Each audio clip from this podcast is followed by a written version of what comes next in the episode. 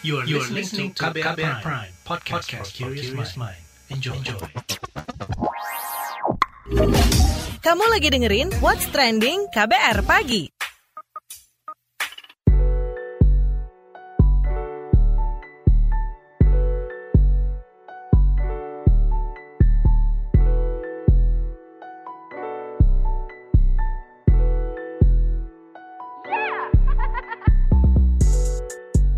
KBR Pagi siaran pagi radio paling update. Selamat pagi, apa kabar Anda hari ini di hari Selasa 26 Januari 2021? Kembali lagi bersama saya Don Brady di What's Trending KBR Pagi yang selalu nemenin pagi hari Anda, pagi hari kalian semuanya, dan membicarakan hal-hal yang lagi ramai diperbincangkan. Belakangan ini viral protes orang tua dari siswi berinisial JCH karena menolak aturan seragam sekolah yang memintanya menggunakan jilbab. Pasalnya, pelajar SMKN 2 Padang, Sumatera Barat tersebut bukan beragama Islam. Saat dikonfirmasi wartawan, Kepala SMK Negeri 2 Padang Rusmadi mengungkapkan bahwa ada 45 siswi non-muslim yang mengenakan kerudung di sekolahnya.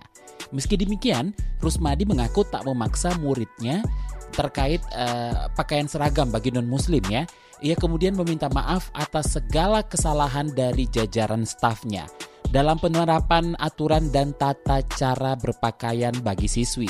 Soal ini Dinas Pendidikan Provinsi Sumatera Barat mengklaim akan mengevaluasi aturan diskriminatif mengenai keharusan berjilbab bagi siswi di SMKN 2 Padang termasuk siswi non-muslim. Menurut Kepala Dinas Pendidikan Sumatera Barat Adib Alfikri, Pemprov Sumbar tidak pernah membuat surat mengenai aturan berpakaian khusus di sekolah.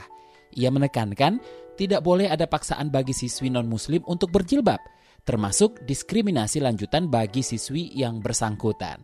Adib meminta semua sekolah di provinsi itu mengecek aturan kewajiban penggunaan jilbab di sekolah negeri. Oke, sebelum lebih lanjut, kita bahas soal ini. Kita simak dulu yuk, seperti apa sih opini warganet plus 62 berikut ini.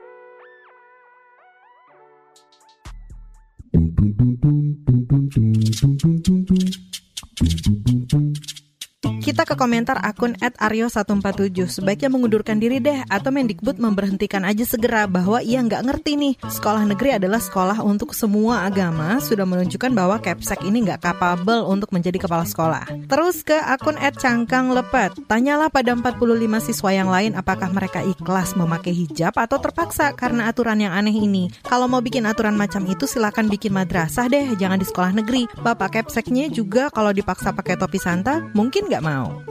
Terus ke komentar at Eni Kureni. Setiap awal tahun ajaran baru sekolah selalu ada pertemuan antara pihak sekolah dengan wali murid. Pasti permasalahan seperti ini kan dibahas juga. Jadi persoalan itu dipaksa atau kerelaan balik lagi ke pribadi orangnya. Kalau merasa dipaksa tapi nggak pakai, nggak bisa dibilang dipaksa juga kan?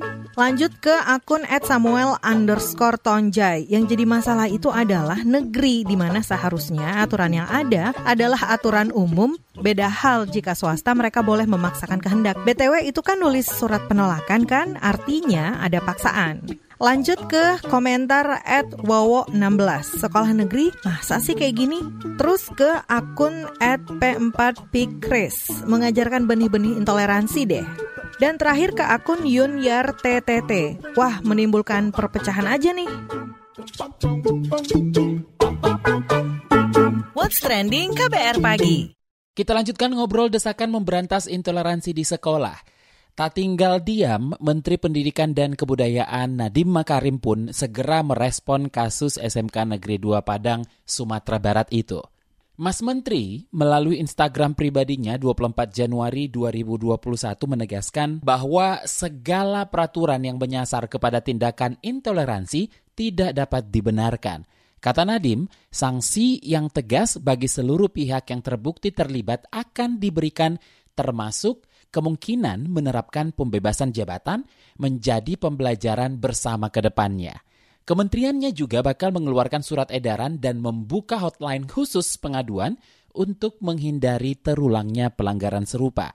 Kita simak selengkapnya pernyataan dari Mendikbud Nadiem Makarim berikut ini. Terkait dengan kejadian di SMKN 2 Padang, Sumatera Barat, saya tekankan bahwa dengan berpedoman pada peraturan yang berlaku, yaitu pasal 55 Undang-Undang Nomor 39 Tahun 1999 tentang hak asasi manusia bahwa setiap anak berhak untuk beribadah menurut agamanya, berpikir dan berekspresi sesuai dengan tingkat intelektualitas dan usianya di bawah bimbingan orang tua atau wali. Dan pasal 4 ayat 1 Undang-Undang Nomor 20 Tahun 2003 tentang Sistem Pendidikan Nasional bahwa pendidikan diselenggarakan secara demokratis dan berkeadilan serta tidak diskriminatif dengan menjunjung tinggi hak asasi manusia, nilai keagamaan, nilai kultural, dan kemajemukan bangsa. Dan pasal 3 ayat 4 Peraturan Menteri Pendidikan dan Kebudayaan nomor 45 tahun 2014 tentang pakaian seragam sekolah bagi peserta didik jenjang pendidikan dasar menengah, eh, dasar dan menengah. Bahwa pakaian seragam khas sekolah diatur oleh masing-masing sekolah dengan tetap memperhatikan hak setiap warga negara untuk menjalankan keyakinan agamanya masing-masing. Maka sekolah tidak boleh sama sekali membuat peraturan atau himbauan kepada peserta didik untuk menggunakan model pakaian kekhususan agama tertentu sebagai pakaian seragam sekolah. Apalagi jika tidak sesuai dengan agama atau kepercayaan peserta didik.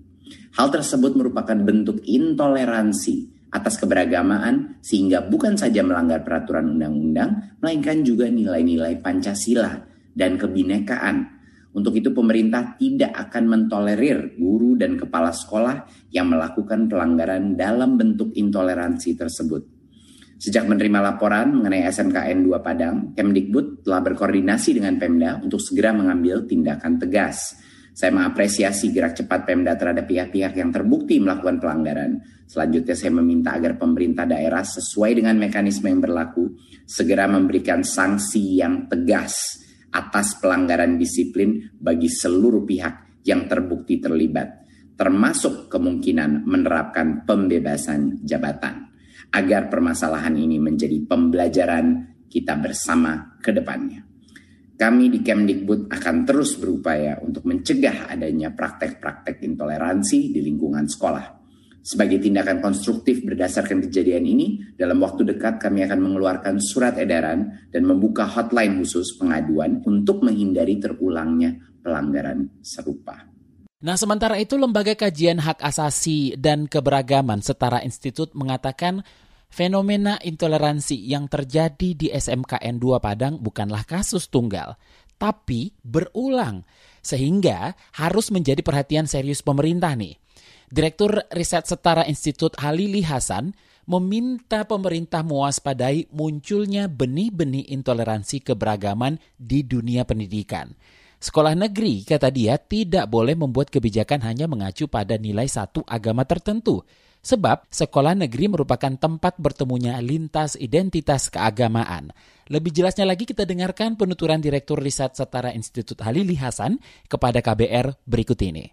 Sektor pendidikan merupakan sektor yang harus diwaspadai karena sesungguhnya salah satu yang akan menentukan wajah publik ini di masa depan adalah sektor pendidikan karena di situlah generasi masa depan bangsa itu dididik, dikembangkan, ditumbuhkan tidak hanya pada aspek eh, fisiknya tetapi pada aspek mental kebangsaannya juga.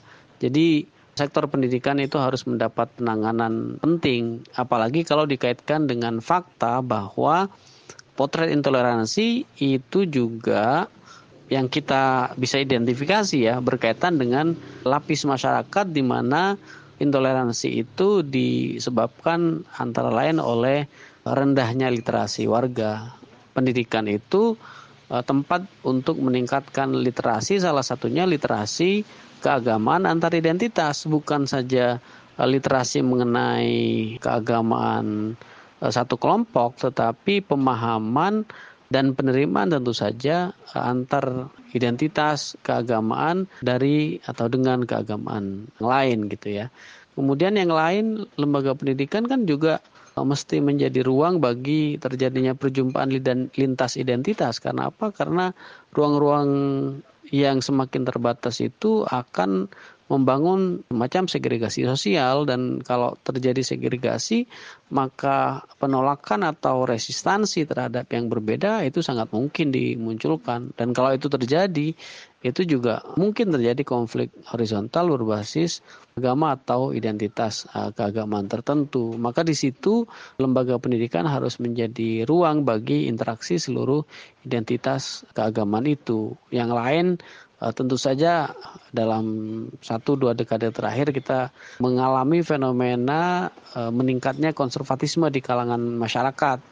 Maka untuk mengatasi hal ini tentu lembaga pendidikan bisa menjadi ruang untuk uh, pengarus utamaan atau mainstreaming dari pendidikan atau pembelajaran untuk menumbuhkan ketercerahan masyarakat yang lebih bersifat moderat, yang lebih bersifat uh, toleran, plural itu menghargai uh, kebinekaan yang ada di sekitar kita karena itulah situasi objektif yang memang harus kita bangun, kita harus terima, kita harus kuatkan sesuai dengan filosofi bangsa kita sebagai bangsa dan negara Pancasila. Nanti kita akan ngobrol dengan Komisioner KPAI Retno Listiarti. Jadi jangan ke mana-mana, tetap di What's Trending KBR Pagi.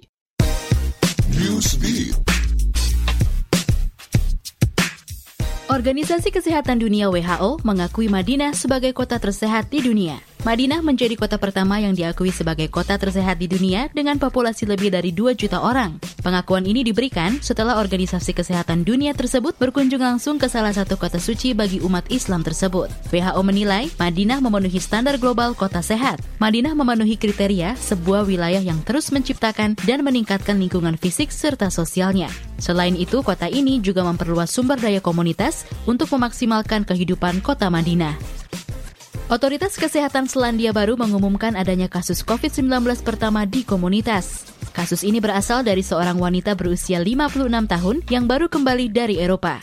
Wanita ini menghabiskan waktu selama 4 bulan di Eropa, khususnya Spanyol dan Belanda. Wanita ini pun dinyatakan positif COVID-19 10 hari setelah bebas dari hotel karantina Auckland. Pihak terkait mengaku sang wanita telah menjalani tes corona sebanyak dua kali sebelum keluar dari tempat karantina dan suaminya pun tak memiliki gejala. Kasus ini pun memicu desakan akan pelacakan kontrak di utara Auckland lantaran pasangan suami istri ini telah mengunjungi sekitar 30 lokasi berbeda. Italia memblokir aplikasi TikTok bagi sejumlah pengguna dengan kriteria usia tertentu. Pemblokiran ini dilakukan setelah kejadian kematian anak berusia 10 tahun karena mengikuti tantangan yang disebut Blackout Challenge.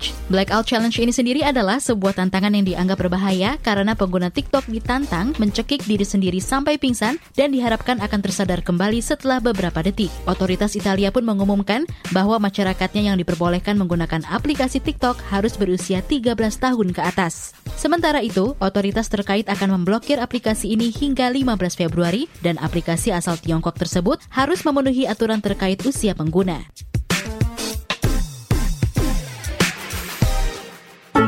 What's trending KBR pagi? Balik lagi di What's Trending KBR Pagi bersama saya Don Brady yang lagi ngobrolin soal desakan memberantas intoleransi di sekolah. Jadi, Komisioner KPAI Retno Listiarti mengingatkan bahwa sekolah negeri seharusnya menyemai keberagaman, menerima perbedaan, serta menjunjung tinggi nilai-nilai hak asasi manusia. Menurutnya, pelarangan ataupun pemaksaan peserta didik untuk berjilbab adalah pelanggaran hak asasi manusia.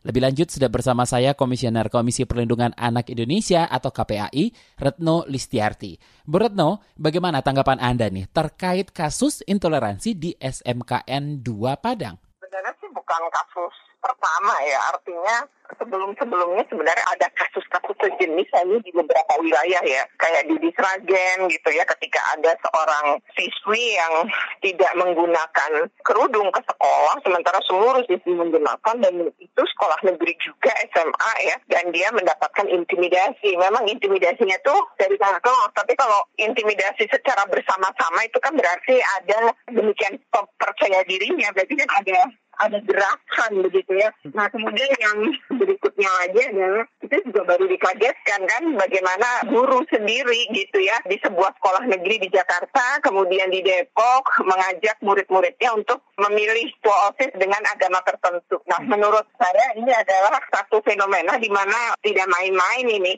Artinya sekolah negeri sekarang mesti mendapat perhatian khusus ya terkait dengan intoleransi dan juga terkait dengan uh, penghargaan terhadap nilai-nilai hak asasi manusia. Lalu hal apa yang perlu ditingkatkan kembali di sekolah-sekolah Indonesia khususnya sekolah negeri? Kalau kita melihat ini tentu kita prihatin karena harusnya sekolah negeri kan sekolah negara, sekolah pemerintah. Dan sebagai sekolah pemerintah mestinya dia menguatkan nilai-nilai persatuan, nilai-nilai keberagaman gitu ya, nilai-nilai kebangsaan gitu. Dan anak-anak ini kan kelak akan menjadi pemimpin negeri ini gitu 15 sampai 20 tahun lagi mereka lah yang sebenarnya akan punya peran. Nah, kalau mereka dari usia ini saja sudah dididik dengan tidak bersikap demokratis serta tidak menghargai nilai-nilai hak asasi manusia, jadi ini harusnya menjadi perhatian ya. Ini kan diduga ada 46 anak yang beragama non-Islam, tapi dia diwajibkan mengenakan kerudung. Dan kalau sekolah bilang menghimbau, kenapa ya nggak pakai kemudian dipanggil? Nah ini kan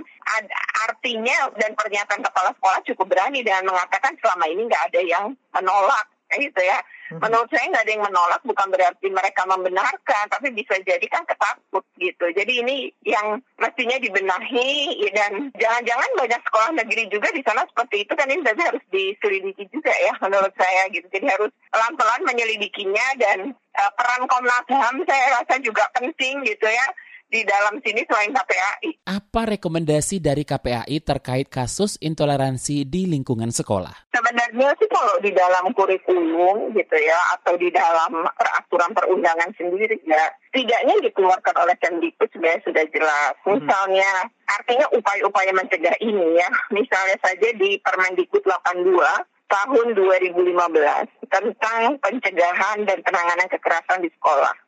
Pada pasal 6 huruf I di dalam Permendikbud ini itu jelas menyebutkan bahwa definisi kekerasan disebutkan dan salah satu dan macam-macam kekerasan disebutkan yang biasa terjadi di sekolah dan salah satunya adalah kekerasan dalam bentuk sara ini suku agama dan ras. Jadi dalam bentuk diskriminatif menghilangkan hak-hak e, individu gitu ya dan e, apa e, kebebasan dalam menjalankan ibadah dan lain-lain. Itu sebenarnya ada ketentuan yang mengatur itu. Jadi uh, tidak boleh bersikap diskriminatif itu juga bagian dari kekerasan. Diskriminatif yang sifatnya sara itu sangat jelas disebutkan di dalam aturan ini.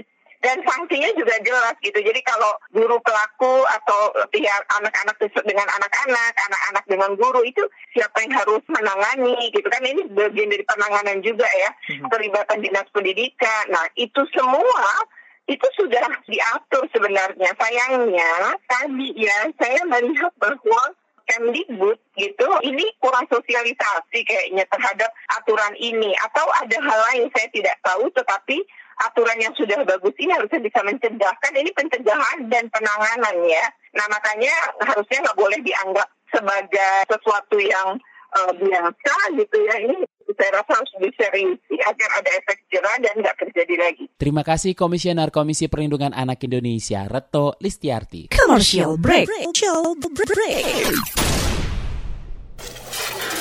Vina, seorang volunteer dari komunitas Biho memberi pesan kepada teman-teman Broken Home untuk dapat bangkit dari keterpurukan dan mampu berdikari jangan sampai kalian menikah saat kalian belum siap. Itu penting banget. Jadi selama masih muda nikmati aja masa mudanya. Carilah hal-hal positif yang bermanfaat buat masa muda kalian. Sehingga nanti kalian ketika pun sudah memiliki pasangan, mau mencari pacar misalkan atau sudah ingin menikah, kalian sudah benar-benar matang agar apa yang kalian alami tidak terjadi kembali kemudian hari. Simak obrolan selengkapnya dalam podcast Disco Diskusi Psikologi dalam episode Bangkit dari Keterpurukan dan Berdikari di kbrprime.id dan platform mendengar podcast lainnya. What's Trending KBR Pagi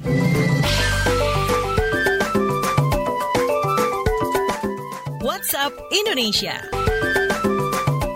Selamat pagi, WhatsApp Indonesia kita awali dari Papua. Kementerian Sosial Kemensos pastikan kebutuhan pokok untuk korban banjir di Paniai, Papua terpenuhi. Direktur Perlindungan Sosial Korban Bencana Alam M. Safi'i Nasution mengatakan bantuan makanan siap saji, sembako, hingga tenda sudah dikirimkan ke lokasi bencana. Selain itu, Kemensos juga berencana untuk mengirimkan cadangan beras pemerintah sebesar 2,5 ton dari gudang di Nabire.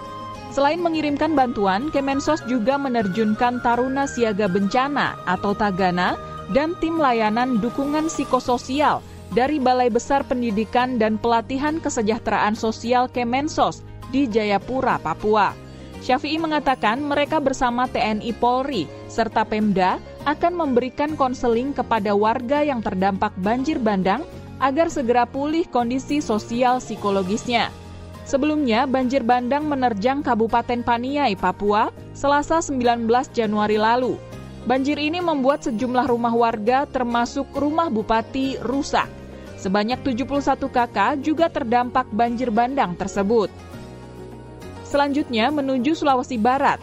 Kementerian Pemberdayaan Perempuan dan Perlindungan Anak mengkoordinasikan pemantauan serta memastikan terpenuhinya hak anak dalam situasi kebencanaan di Kabupaten Majene dan Mamuju, Sulawesi Barat. Sebab gempa bumi yang terjadi berdampak pada terganggunya psikologi anak-anak, sehingga anak-anak harus dilindungi. Mengutip dari Antara News, kegiatan dukungan psikologi dilakukan di Stadion Manakara, Mamuju. Sementara beberapa relawan melakukan kegiatan serupa di posko masing-masing dan di tenda ramah anak dan perempuan. Ratusan anak pun mengikuti kegiatan dukungan psikologis ini untuk memberikan hiburan dan pemulihan. Mereka pun bernyanyi, bermain, dan diberikan hadiah selama program tersebut berlangsung. Kegiatan ini pun dianggap sebagai salah satu solusi untuk menghilangkan kejenuhan anak-anak selama di tempat pengungsian. Terakhir mampir Banten. Personil Polsek Ciomas Polres Serangkota Polda Banten membubarkan turnamen bola voli di Kampung Ciganongang, Desa Ujung Tebu, Kecamatan Ciomas, Kabupaten Serang. Pembubaran ini dilakukan untuk mencegah penyebaran virus COVID-19 di wilayah tersebut. Mengutip dari kantor berita antara, pihak kepolisian pun meminta masyarakat membubarkan diri dan tak membuat kerumunan di tengah pandemi COVID-19. Selain itu, pihak kepolisian pun turut menyosialisasikan pentingnya penerapan protokol kesehatan di ruang publik untuk pencegahan infeksi COVID-19. Sebab penerapan pola hidup bersih dan sehat dianggap sebagai langkah penting pencegahan penyebaran virus, khususnya menjaga jarak dan mengurangi mobilitas. Demikian WhatsApp Indonesia hari ini. Terima kasih sudah mendengarkan What's Trending KBR pagi hari ini. Dan buat Anda yang ketinggalan siaran ini, Anda kembali bisa menyimaknya di podcast What's Trending yang ada di kbrprime.id, di Spotify, atau di aplikasi mendengarkan podcast lainnya. Dan Brady undur diri, besok ketemu lagi. Stay safe. Bye-bye. Terima kasih ya sudah dengerin What's Trending KBR Pagi. KBR Prime, cara asik mendengar berita. KBR Prime, podcast for curious mind.